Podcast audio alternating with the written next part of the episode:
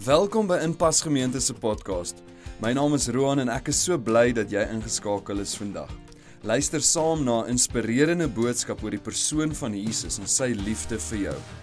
As ons jou op enige manier kan dien of bystaan, maak asseblief kontak met ons. Ons webtuiste is die maklikste manier om dit te doen. Gaan na inpas.org.za en vul die terugvoerstrokie in en ons reik uit na jou. As hierdie podcast 'n impak maak in jou persoonlike verhouding met Jesus, wil ons jou uitnooi om jou geloof prakties uit te leef. Jy kan dit doen deur vrygewig te gee sodat Inpas Gemeente die goeie nuus van Jesus kan verkondig. Kyk gerus op inpas.org.za hoe om 'n bydrae te maak. En nou, sit gerus terug en geniet die boodskap.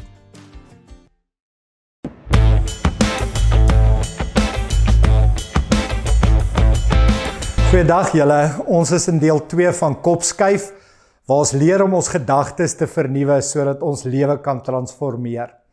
Paulus leer ons in Romeine 12 vers 2: Julle moenie aan hierdie sondige wêreld gelyk word nie, maar laat God julle verander deur julle denke te vernuwe. Moenie soos hierdie wêreld word nie, moenie dink soos die wêreld nie, moenie optree soos die wêreld nie, maar laat God julle verander transformeer. Nou hoe gebeur dit? Deur julle denke te vernuwe. Hier is wat ons so ver geleer het van ons gedagtes en brein. Ons is geneig om oor en oor dieselfde gedagtes te dink, te vorm en dit noem ons 'n neuroubaan. En dit maak dat ons op autopilot reageer. Baie keer irrasioneel reageer. Kom ek gee jou 'n voorbeeld. Ek hou van om alles fyn te beplan. Ek beplan dat ons gesin 6 uur gaan uit eet. Ons moet kwart voor 6 ry, maar die kinders is traag om klaar te maak en het nog nie hulle tande geborsel nie. Nicole soek haar skoene. Later is dit 6 uur. Ek is kwaad, ek raas met almal. Ons gaan nie meer uit eet nie. Wat's dit? Irrasioneel. Jou gedagtepatrone saboteer jou geluk. Jy probeer met jou man of vrou reg te maak, maar dan eindig dit waar julle op mekaar skreeu. Jy weet jy moet geld spaar, maar as jy jouself weer kan kry, dan het Tykelaat se pakkie voor by jou voordeur opgeland. Jy weet jy moet op die Here vertrou, maar as jy jouself kan kry, is jy besig om te worry. Hoekom tree ons anders op as wat ons weet ons moet? Die antwoord lê in die volgende prentjie. Ons denke is soos water wat vloei en 'n paadjie vorm. Die water vloei en daai spoortjie want dis die minste weerstand. Dieselfde met ons brein. As jy oor en oor dieselfde negatiewe gedagtes het, vorm dit 'n baan. En jy tree op uit autopilot en meeste van die tyd is daai optrede dan irrasioneel. Vandat jy 'n baba was, het jy neurobane in jou brein vasgelê. Soos 'n baba wat sien en hoor hoe sy mamma vir hom lag, dan sê sy brein lag, is lekker. Doen dit weer. As die baba weer aan 'n warm plaat raak en brand, veroorsaak dit pyn en dan vorm 'n neurobaan wat sê bly weg van die stoof af, dis eina. As die kind 'n sweetie wil hê, En die pa sê nee, dan skreeu en huil die kind. Die pa gee in en gee die sweet. Dit vorm 'n neurobaan en as ek nie my sin kry nie, moet ek net aanhou huil tot ek my sin kry. Wanneer jou brein aan iets dink, vorm daar neurobane soos die water wat vloei. Hoe meer jy dieselfde gedagte het en op 'n top, hoe sterker word die stroom. Dis goeie nuus as dit goeie gedagtes is maar vernietigend as dit negatiewe gedagtes is. Dis hoekom dit belangrik is dat ek en jy besig is om intentioneel ons gedagtes te vernuwe sodat ons lewens kan transformeer. Laasweek het ons 2 Korintiërs 10 vers 4 en 5 gelees wat sê die woord van die Here is ons wapen. Dis kragtig om vestings te vernietig. Nou vestig vestings is hierdie verkeerde negatiewe gedagtes wat leuns is wat ons glo en oor en oor in ons koppe neurobane vorm wat ons lewe wil vernietig. Daarom neem ons elke gedagte gevangene. Elke gedagte is belangrik want dit bepaal uiteindelik hoe ek en jy lewe, hoe ons optree, hoe ons reageer.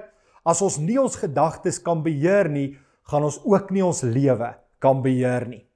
Laasweek het ons begin met twee oefeninge om jou brein te oefen sodat jy beter beheer kan hê oor jou gedagtes en uiteindelik jou lewe. Dalk het jy nog nooit gedink om jou brein te oefen nie, want ek en jy oefen mos ons hond dat hy maniere sal hê of jy gaan oefen in die gim ensovoorts.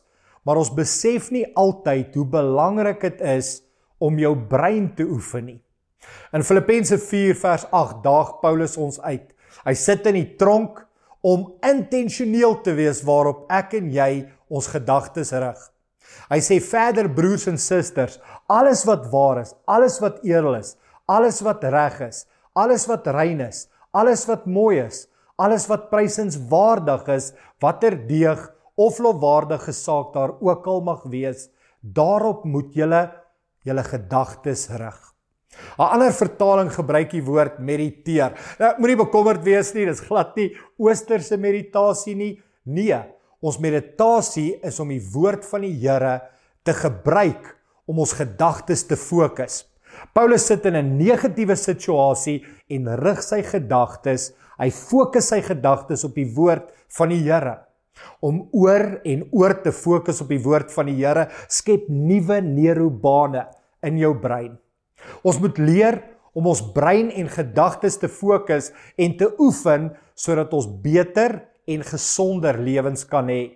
Nou om nuwe bane te vorm in jou brein is nie so maklik nie, want baie van ons dink non-stop vir die afgelope 15 jaar dat jy nie goed genoeg is nie. Dis nie maklik nie, maar die woord van die Here is kragtig. Ons eerste twee oefeninge laasweek was in die eerste plek Wat is die grootste vesting wat jou terughou?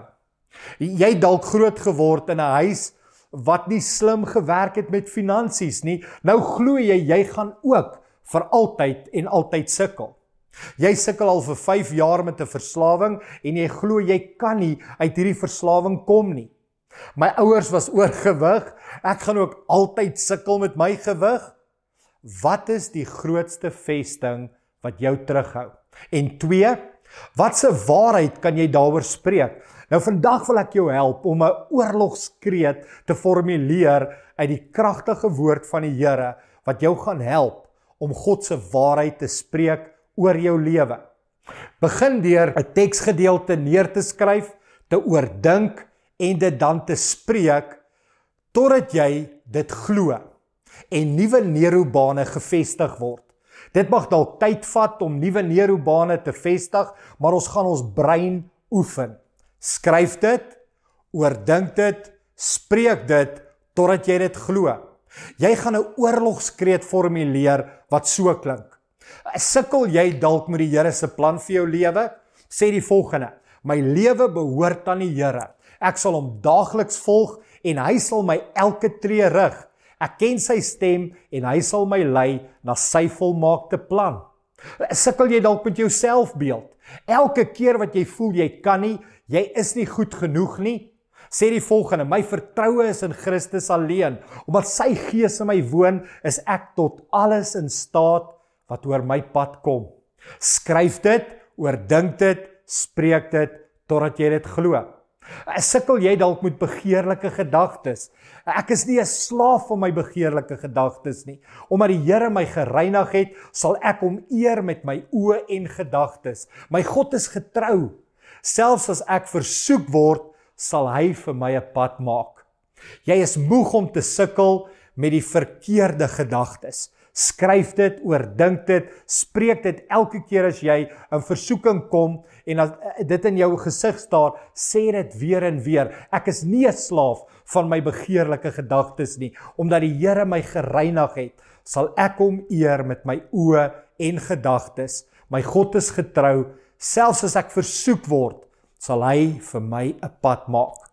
Eh, soek jy dalk vertroosting in kos? Wanneer ek stres, draai ek na die Here toe, nie na kos toe nie. Ek kom voor Jesus te staan want hy is die een waarna ek smag. In hom vind ek my krag en vertroosting. Sukkel jy dalk met bekommernis en dis baie maklik, nê? Nee?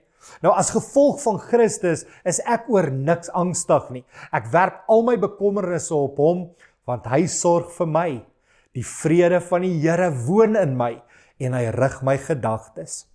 Kan ek jou vra, wat is jou grootste vesting wat jou terughou? En wat sê die Here se woord vir jou? Formuleer jou eie persoonlike kreet vanuit die skrif wat direk jou negatiewe gedagtes aanspreek. Skryf dit, oordink dit, spreek dit totdat jy dit glo en nuwe neurobane vestig. Wat jy dink is super belangrik. As ons nie ons gedagtes kan beheer nie, gaan ons nooit ons lewe kan beheer nie. Die Here wil jou gedagtes vernuwe en jou lewe transformeer. Uh, wil jy nie vandag 'n oomblik neem en jou oorlogskreet begin formuleer nie? As dit jou help, begin met my idees en brei dit uit. Skryf dit, oordink dit, spreek dit totdat jy dit glo. Amen. Nou, as jy nou in 'n klein groep is, bly gerus ingeskakel vir 'n paar besprekingsvrae. Kom ons help mekaar om ons gedagtes te vernuwe. Kan nie wag om jou volgende week te sien nie.